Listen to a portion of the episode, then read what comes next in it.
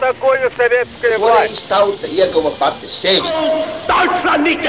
Liktenīgas nejaušības un slēptas likumsakarības, subjektīvas patiesības un objektīvi aizspriedumi. Pēc atkušņa nekad nenāk uzreiz pavasars, bet sākās Arī šodien cilvēki ir ļoti tūredzīgi. Viņi redz to naudu, kas ir. Televīzijā jau pamatā notiek cīņa par varu. Pagātne no šodienas skatu punkta un šodienas caur pagātnes prizmu. Raidījumā šīs dienas acīm.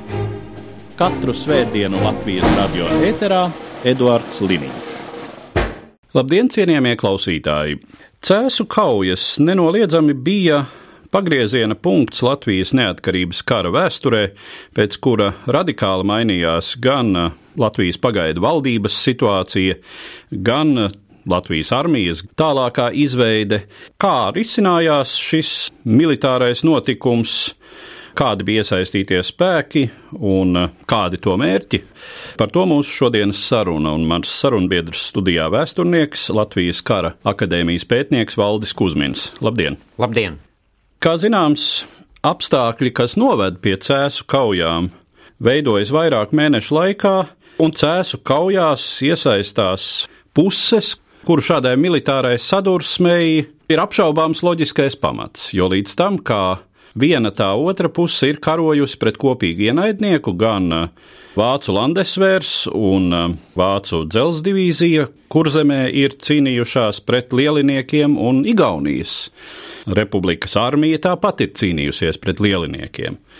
Kurš ir tas brīdis, kad kļūst skaidrs, ka šāda sadursme notiks? Es drīzāk uzskatītu, ka šī sadursme bija loģiska. Jo tas, ka šie divi spēki bija sabiedrotie, vienīgais, kas viņus padarīja par sabiedrotiem, vienīgais, kas viņus vienoja, bija kopējs ienaidnieks - Padomju Latvijas armija.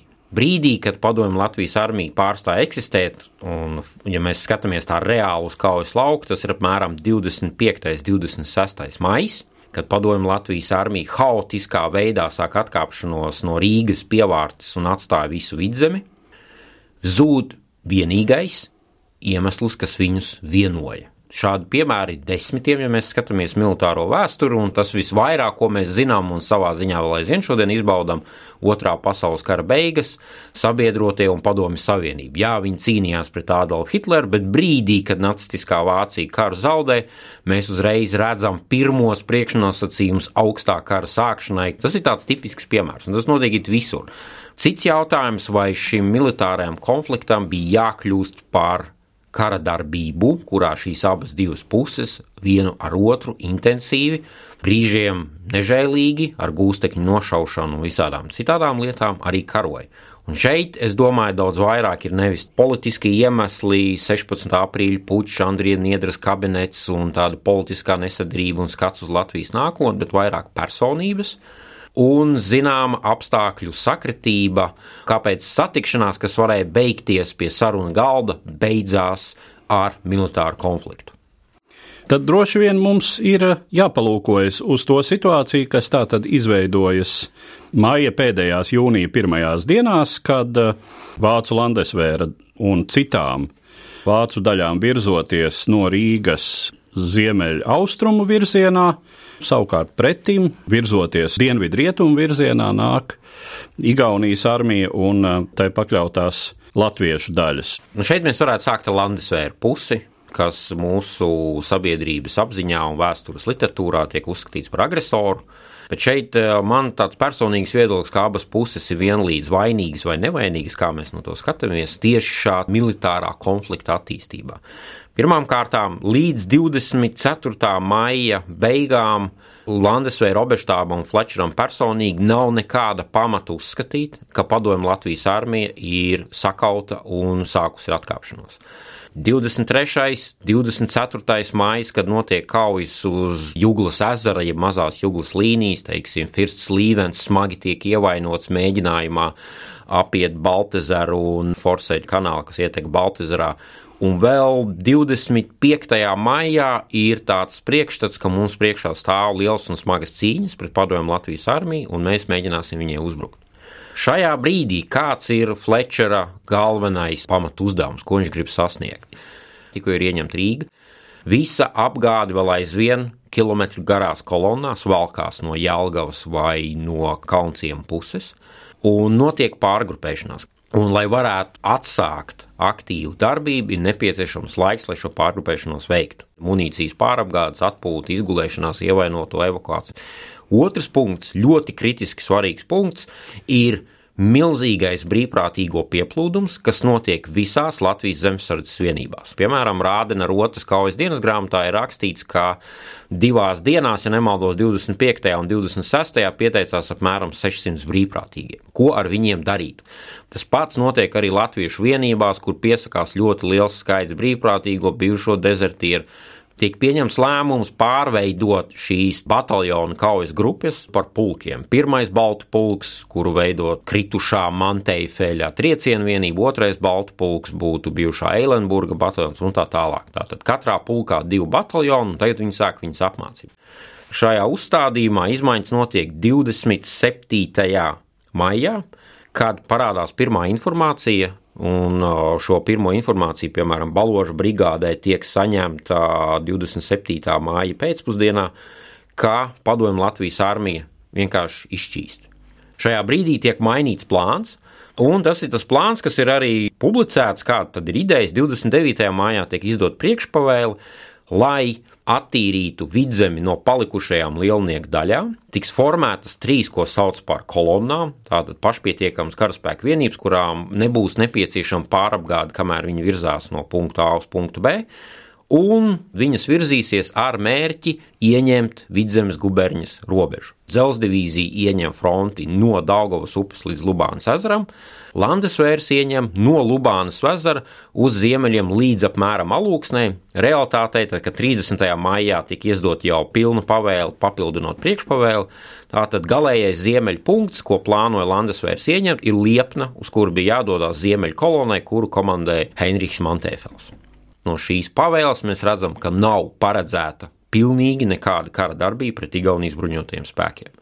Pavēlē ir ļoti precīzi norādīts, ka līnija uz ziemeļiem no Limbažiem, Valmieras un vēlāk Abrens apriņķa apdzīvotas vietas kacēniem, atrodas Igaunijas bruņoto spēku pārziņā.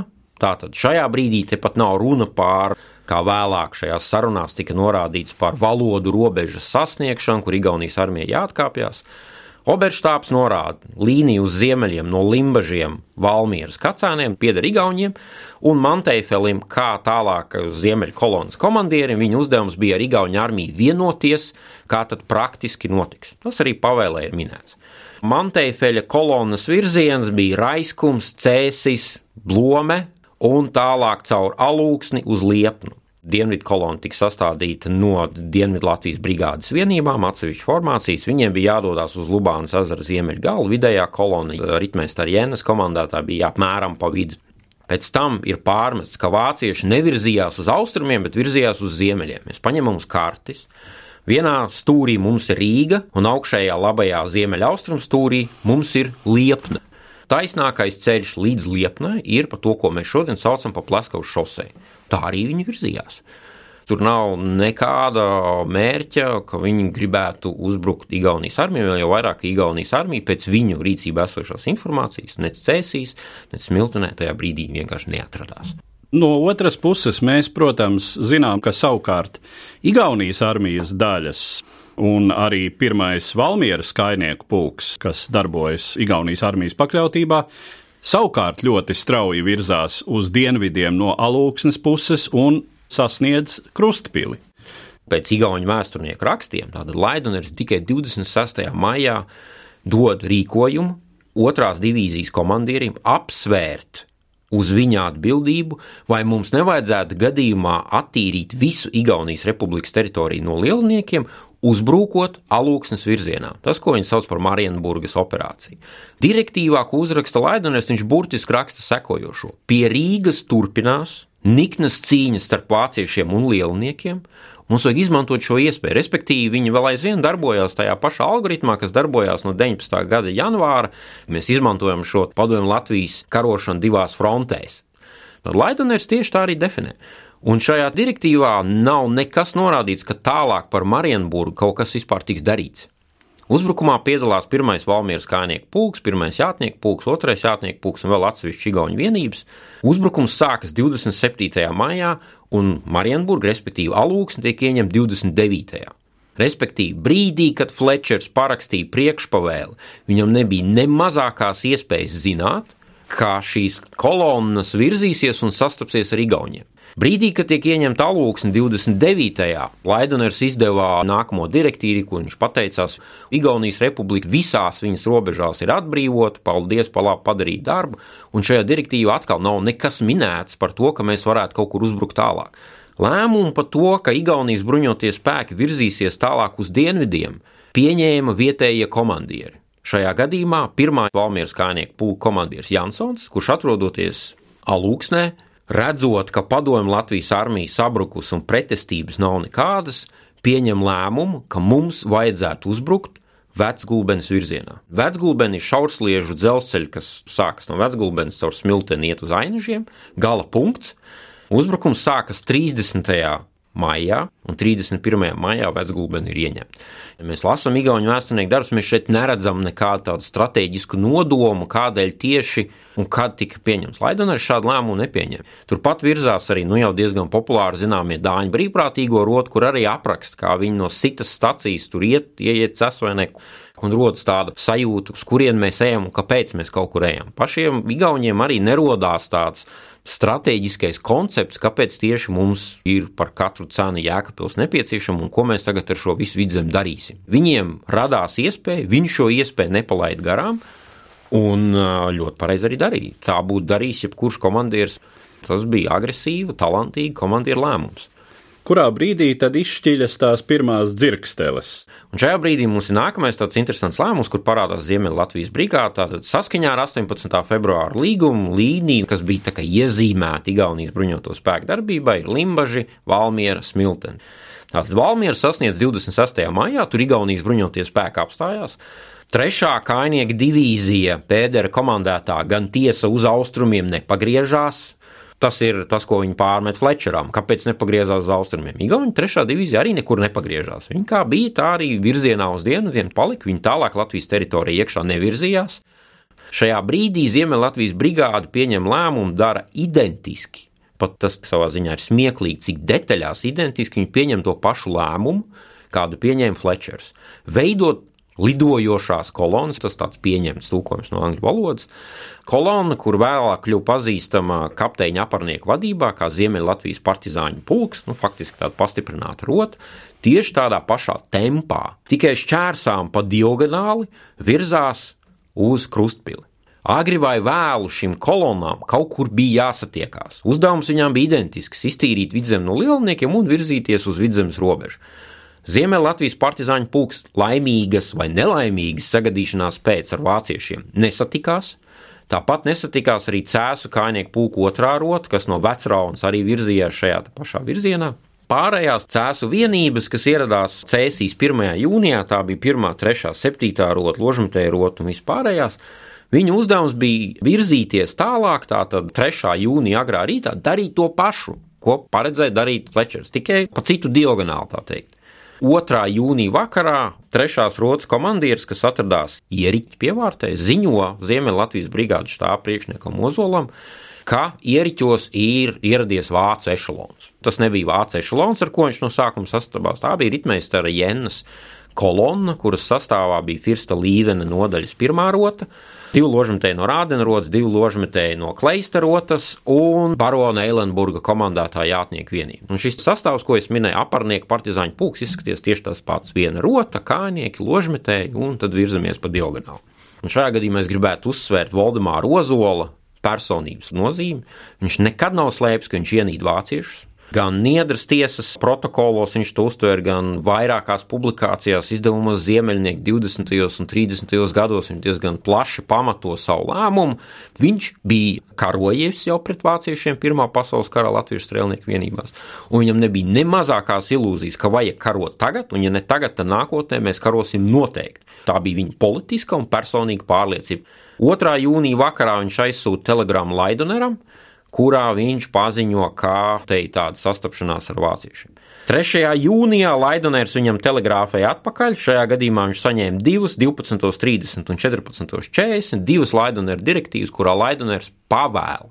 Un te nav runa sākt sarunas, pavēl ieņemt ieriķu dzelzceļa staciju un pamato to, ka viņam ir vajadzīga obligāti ieriķu vecgulbenes dzelzceļa līnija, platsliežu dzelzceļa līnija, un bez tās cīņa lielniekiem nav iedomājama. Tur arī viens no tiem faktoriem, piemēram, Jukums Vācietis savos memoāros uztvērs, un pēc tam arī Andrievs Niedra par to bija rakstījis slavenie vecgulbenes vagoni. Tātad vecgulbenes stacijā Igaunijas jātnieku pulks ieguva 150 šaursliežu dzelzceļa vagonus un 200 platsliežu dzelzceļa vagonus. Tur bija divas lokomotīvas, platsliežu, 15 šaursliežu lokomotīvas. Respektīvi, tas bija diezgan liels iegūms.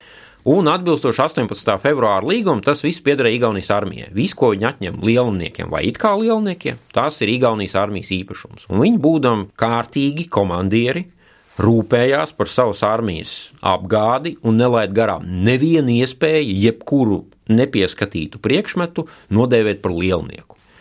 Es nedomāju, ka Laidonera 3. jūnija direktīvas bija pamatotas tikai un vienīgi ar vēlmu šos 200 vagonus pārtransportēt, cik tas daudz ir. Salīdzināšanai 1920. gadā Latvijas Republikas dzelzceļa sastāvs kopā visā Latvijā bija apmēram 7000 vagoni, dažādi veidi, un, ja nemaldos, 110 lokomotīvas. Mēs runājam par kaut kādiem 3-5% no kopējā. Vai tas ir daudz vai tas ir maz? Ja mēs tā pārtulkojam uz šodien, tā runa būtu par 3% no visām Latvijā esošajām kravas mašīnām. Tas ir daudz vai tas ir maz? Es domāju, tas būtu pietiekami, lai varētu būt papildus arguments tīrais politiskiem motīviem un Ulmaņa valdības aizstāvēšanu un Niedras politiskā platforma, zemes reformas jautājums Igaunijā, kas jau ir izlemts un eventuāli, kas tiks izlemts Latvijā. Šie vagoni, es pieņemu, bija tāds papildus bonus, lai šo tiešo pavēlu dotu. Bet arī šajā brīdī vēl nekas neliecina, ka kara darbība sāksies. Kāda bija Jēnas rīcība? Īstenībā Jēna ierodās, viņš nav nekādā veidā agresīvi noskaņots. Viņš saka, mmm, liels pārsteigums, ka jūs šeit esat, mēs par jums neko nezinājām. Es nevaru atkāpties, man vajag saskaņot ar Robertu štābu kad sākas saskaņošanas ar Roberštābu, jau pēc tam ierodās tā saucamais ešalons. Ešalonā bija rādena un kleista rotas, pie tam tās abas rotas, kas bija sākušas ķeizara mežā brīvprātīgo apmācību un par kara darbību ne pret igauniem, ne pret lielniekiem vispār neko nedomāja. Viņiem bija 600 brīvprātīgie, izdzīvojuši lielnieku postu Rīgā, kas bija gatavi sākt karu. Pēkšņi viņi saņem pavēlu, ka viss ir jāpamet, visi brīvprātīgie tiek padzīti, tiek salasīts rots vecais sastāvs. Čiekurkalna stacijā viņi visi sakā vagonos un brauc uz ieriķiem, kur viņi arī ierodās katram gadījumam. Bet arī šeit nenotiek nekas, notiek vēl tikai sarunas, notiek konsultācijas, ko darīt, no kurienes viņi te ir uzradušies gan vieniem, gan otriem. Tas ir pārsteigums. Reāla konflikta situācija sākas 3. Jūnijā, kad no Raiskuma puses cēsīs ienāk Manteifelļa komandētā ziemeļa kolona. Un šajā gadījumā, lai gan Valdemārs Ozols savos memoāros vienmēr uzsvērs, ka tas ir ļauns vācu plāns, kas pārkāpa noteikumus, neko viņa nepārkāpa. Mantēfels kustējās pēc 30. maija pavēles, burtiski 2. jūnijā viņam bija jāatrodas Raiskumā. No turienes viņš pāri šim tiltam no rietumiem ienāca. Pie tilta viņš atbruņoja pāris cēlus kājnieku pulka apsargus. Atšķirībā no Rīgas ieņemšanas, kur viņas tur parasti viss apšāva. Šeit pavēlē bija diezgan arī strikti norādīts, nekādas apšaušanas neveikt, tāpēc ir liela iespējamība, ka tie, kas jums izskatās pēc lielniekiem, īstenībā ir zaļās armijas. Viņi bija lietas kursā, ka ir tāda zaļā armija, ir partizāņi, kas cīnās pret lielniekiem. Mums vajag ar viņiem runāt. To arī Mantēfels, starp citu, Ozolam arī pateica. Jā, es tur redzēju kaut kādus vīrus ar šautenēm, viņi nekādu pretestību neizrādīja, nu mēs viņus atbruņojam, nu mazums kas, te reku te patās ar viņi ir. Un trieciena nodaļas trešais švadrons, kā viņi sauc, ienāca cēsu laukumā, tagad ir smuks strūklaks pie baznīcas, viņš ienāk. Un kā Ozols raksta, pilnīgi neapdomīgi, bez jebkādas piesardzības sāk saņemt puķis no cēsu iedzīvotājiem un svinēt uzvaru Viņi vienkārši negatavojās nekādai kara darbībai, ne pret Igauniem, ne pret Latviešiem, ne pie ko. Viņi iegāja draudzīgā pilsētā un uzskatīja, ka viņi atrodas drošā vietā. Ko neuzskatīja Valdemārs Ozols, kurš, kā viņš raksta, paskatoties pa viesnīcas Baltijas logu, viņš ieraug šos vācu karavīrus ielās, dot pavēlu uzstādīt pašautenes apkārtējo bēniņu jumtu logos, Un šis ir tas brīdis, kad sastapšanās uz ceļa starp divām karaspēku vienībām, un kurš kuram griezīs ceļu, un divu tādu lepnu virsnieku sarunas pārvēršas par nepārprotamu militāru konfliktu. Patšautenes bēniņu logos un ultimāts, ja jūs tūlīt neatstāsiet šīs telpas, mēs atklāsim uguni, ir nepārprotams un skaidrs, ko Mantēfels arī pats būdams, arī, protams, lepns, arogants, pašpārliecināts virsnieks arī saka, ka mēs vēl atgriezīsimies. Un te ir arī jautājums, ja Valdemārs Ozols to nebūtu darījis, kā tas viss būtu turpinājies.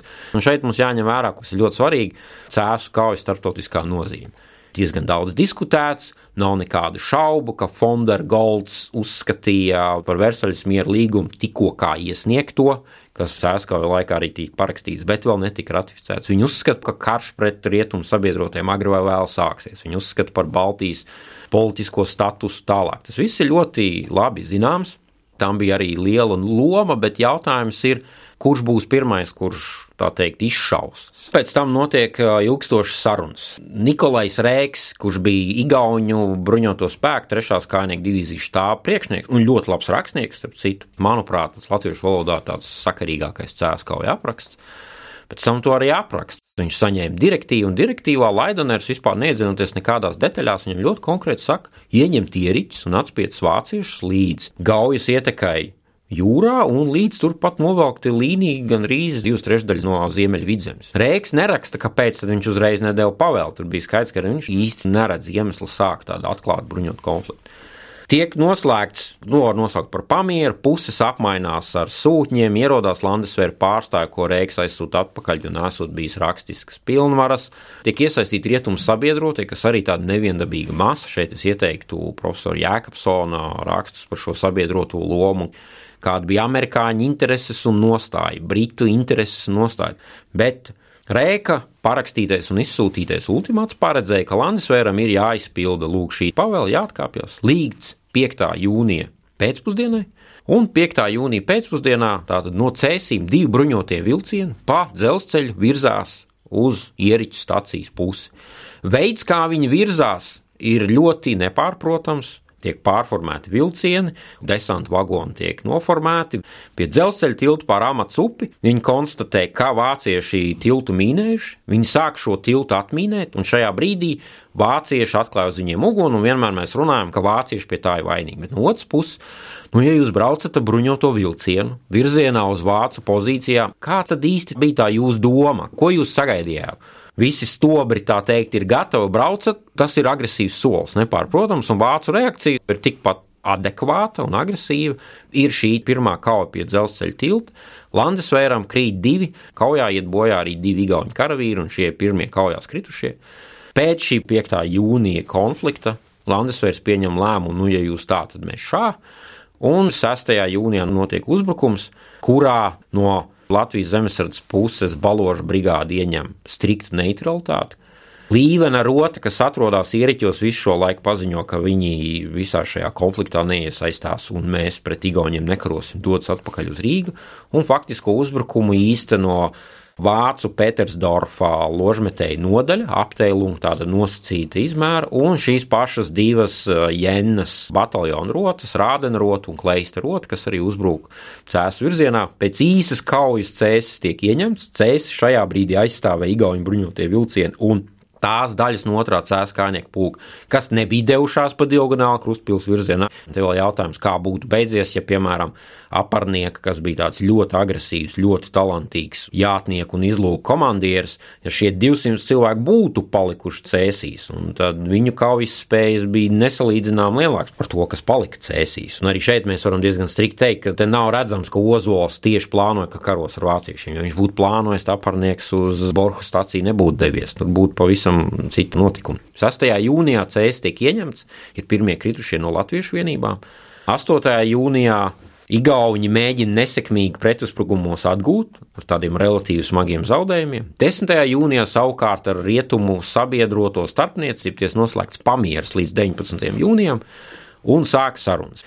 Igauņu un Ziemeļlatvijas brigādes pārstāvji viņi atkārto to pašu 3. jūnija Laidonera direktīvā minēto līniju un faktiski izvirza to pašu ultimātu. No Landesvēra puses savukārt mainās diezgan daudz, jo tagad jau Landesvērs paziņo, kā Igaunijas armija ir okupanti, tur atrodas svešas valsts teritorijā un ar kādām tiesībām. Kā Niedras kabinets ir leģitīma Latvijas valdība, ko Igauni noliedz un pilnīgi pamatot noliedz, un kā Igaunijas bruņotajiem spēkiem jāatstāj Latvijas teritorija līdz latviešu igauņu sarunu valodas robežai nosacītajai, lai kur nu arī viņi būtu, viņiem tātad noteikti tālāk pār Valmieru viņiem būtu jāatkāpjas parādās šī rietumu sabiedroto loma, ASV pārstāvis diezgan ātri piekrīt Landesvēra pozīcijai un saka, jā, Igauniem ir jāatkāpjas. Uz ko Laidoners atbild nē. Un pēc brīža rietumu sabiedrotie vienojas par citu pozīciju, Laidonera direktīvas nosacītās pusē, ko nec Flečers, nec Niedras valdības apsardzības ministrs Vankins pieņemt nevar, un faktiski 18. jūnijas ir tad, kad abas puses saprot, ka nebūs, un abas puses sāk gatavoties nākamajam kara darbības solim. Bet ko šeit ir svarīgi uzsvērt, šo abu pušu sagatavošanās līmenis un nopietnība būtiski atšķirās. Pirmkārt, šīs trešās divīzijas novietojums jau 26. maijā bija daudz izdevīgāks kara darbībai dienvidu virzienā, nekā Latvijas zemesardzes un dzelzceļa divīzijas novietojums kara darbībai ziemeļu virzienā. Trešā divīzija bija izvērsusies, viņu apgādes līnijas bija daudz īsākas. 18. jūnijā tiek saņemta nākamā Laidunera direktīva, kurā tiek norādīts, ka visticamāk pamieris un sarunas beigsies ne ar ko. Mēs varam sagaidīt 19. un 20. jūnijā vācu uzbrukumu, un mums šim vācu uzbrukumam jāgatavojas. Jau 18. jūnijā Rēka rīcībā tiek nosūtīts rezerves gan no otrās divīzijas, gan no pirmās divīzijas, kas darbojas Plaskavas virzienā. Galvenokārt tie bija bruņotie vilcieni, kas bija Igauni, es teiktu, pat kaujas spējīgākā vienība. Un sūta arī divas savas, tā teikt, izlases vienības - Kalevas bataljoni, Kaleva Laste Maleva, formēta no brīvprātīgajiem Kalevas sporta kluba biedriem. 1901. gadā dibinātais sporta klubs, 316 cilvēku sastāvā, tā noteikti bija izlases vienība. Un otra vienība ir Kuperjānau partizāņu bataljons, nosaukts sava pie Pāju mūžas latviešu strēlnieku nogalinātā varoņa Jūlijusa Kuperjāno vārdā, kas arī ir brīvprātīgu izlases vienība. Tāda trešā divīzija sakopo spēkus, viņi sāk formēt pa jaunu otro cēsu kājnieku pulku, kas no pāris simtiem sasniedz 2400 cilvēku sastāvu. Ja mēs skatāmies, kas notiek tajā nosacītā vācu pusē, tad šeit, manuprāt, ir svarīga viena detaļa. Mēs ļoti labi zinām, un nav nekādu domstarpību par Fonderu Golca, kā viņš pats sev sauc, politiskā ģenerāļa nostāju. Niedras valdība, pro-ģermāniska satelīta valsts un tā tālāk. Un tā joprojām. Bet kas ir svarīgi cēsu kauja kontekstā, vismaz es neesmu redzējis nevienu dokumentu, kurā sestā rezerves korpusa štābs būtu veicis kaut mazāko plānošanas darbu šīs nākamās operācijas īstenošanai. Visu, ko veids, veids Latvijas zemesardzes oberštāps Flečera vadībā, tie resursi, kas viņam ir pieejami, teiksim, bāzes izveidošana cēsīs, jaunu pulku formēšanu un tā tālāk. Un dzelzceļa divīzija, kur vispār uzzina, ka ir tāda problēma, 18. jūnijā tiek parakstīta dzelzceļa divīzijas pavēle, ka mēs formēsim atsevišķu kaujas grupu, kas tiek nodota Niedras valdības pārziņā, jo formāli dzelzceļa divīzija šajās kaujās piedalīties nevarēs. Tā būs Kleista kaujas grupa un Blankenburgā bataljons. Un jau 25. jūnijā ir tāds angļuiski sauktu lessons learned ziņojums, kas tad notika, kāpēc mēs cietām šādu sakāvi. Un jau 25. jūnijā viņi ir aprakstījuši to, ka pirmkārt laiks no pavēles saņemšanas līdz pavēles īstenošanas brīdim pārāk īss, izlūkošana nav bijusi nekāda, mēs neko nezinām par pretinieku. Šie mērķi, ja mēs salīdzinām, kā tika rakstīts pavēles Rīgas ieņemšanas operācijai vai 19. gada februāra marta uzbrukuma pavēles un salīdzinām šo pavēli Vispār nav nekas rakstīts. Nav skaidrs, kāds ir pamat uzdevums. Valmiera ir jāsasniedz, ja Valmiera jāieņem. Mēs iznīcinām otro cēlus kājnieku pulku, ja mēs arī turpinām ar Igauniem karot. Mēs neredzam Flečera plānu. Tas viss izskatās vairāk pēc improvizācijas, kas bija pamatot. Līdz tam, piemēram, mēs atceramies, kā Flečers ieņēma Jālgavu 18. martā. Totāla improvizācija tur nostrādā. Ja mēs redzam, kā Flečers ieņēma Rīgu, arī improvizācija pārkārtojuma kolonas. Tas bija viņa stils bet tas stils darbojās pret lielniekiem. Šis stils nedarbojās pret Igauniem. Tikai 20. jūnijā tiek pieņemts lēmums, kas tad īsti piedalīsies rītdienas 21. jūnija uzbrukumā, un konkrēti viņi izdomāja, ka vairs kaujās piedalīsies nevis šie vecie pārbaudītie bataljoni, bet uzbrukumā ies visi pulki. Tātad 20. jūnijā no Rīgas visi šie brīvprātīgie, kas ir apmācījušies divas ar drusciņu nedēļas, tiek pārvest uz cēsīm tiek saformēti jauni bataljoni, Rādena bataljons, Kleista bataljons, Malmedes bataljons tiek pārformēts. Virsnieki nezina padotos, padotie nezina virsnieki. Ļoti daudziem karavīriem tā bija vispār pirmā kauja viņu mūžā. Tieši doties pāri Raunai un tālāk ieņemt cēsu staciju. Un Kleista rotas kaujas dienas grāmatā ir diezgan detalizēti aprakstīts gan panika, gan totāls apstulbums šiem karavīriem, kur vispār nezin, ko darīt. Kauja notiek mežā, kur viņi vienkārši pazūd. Tāda vieglprātīga attieksme ir arī redzama arī šī kaujas sagatavošanā. Tātad par pašu cēsu kauju 1919. gada jūnija 20. datumos mēs runāsim mūsu nākamajā sarunā, bet par šo saku paldies vēsturniekam, Latvijas Kara akadēmijas pētniekam Valdim Kusminam. Paldies! Katru svētdienu Latvijas radio viens par pagātni sarunājas Eduards Līniju.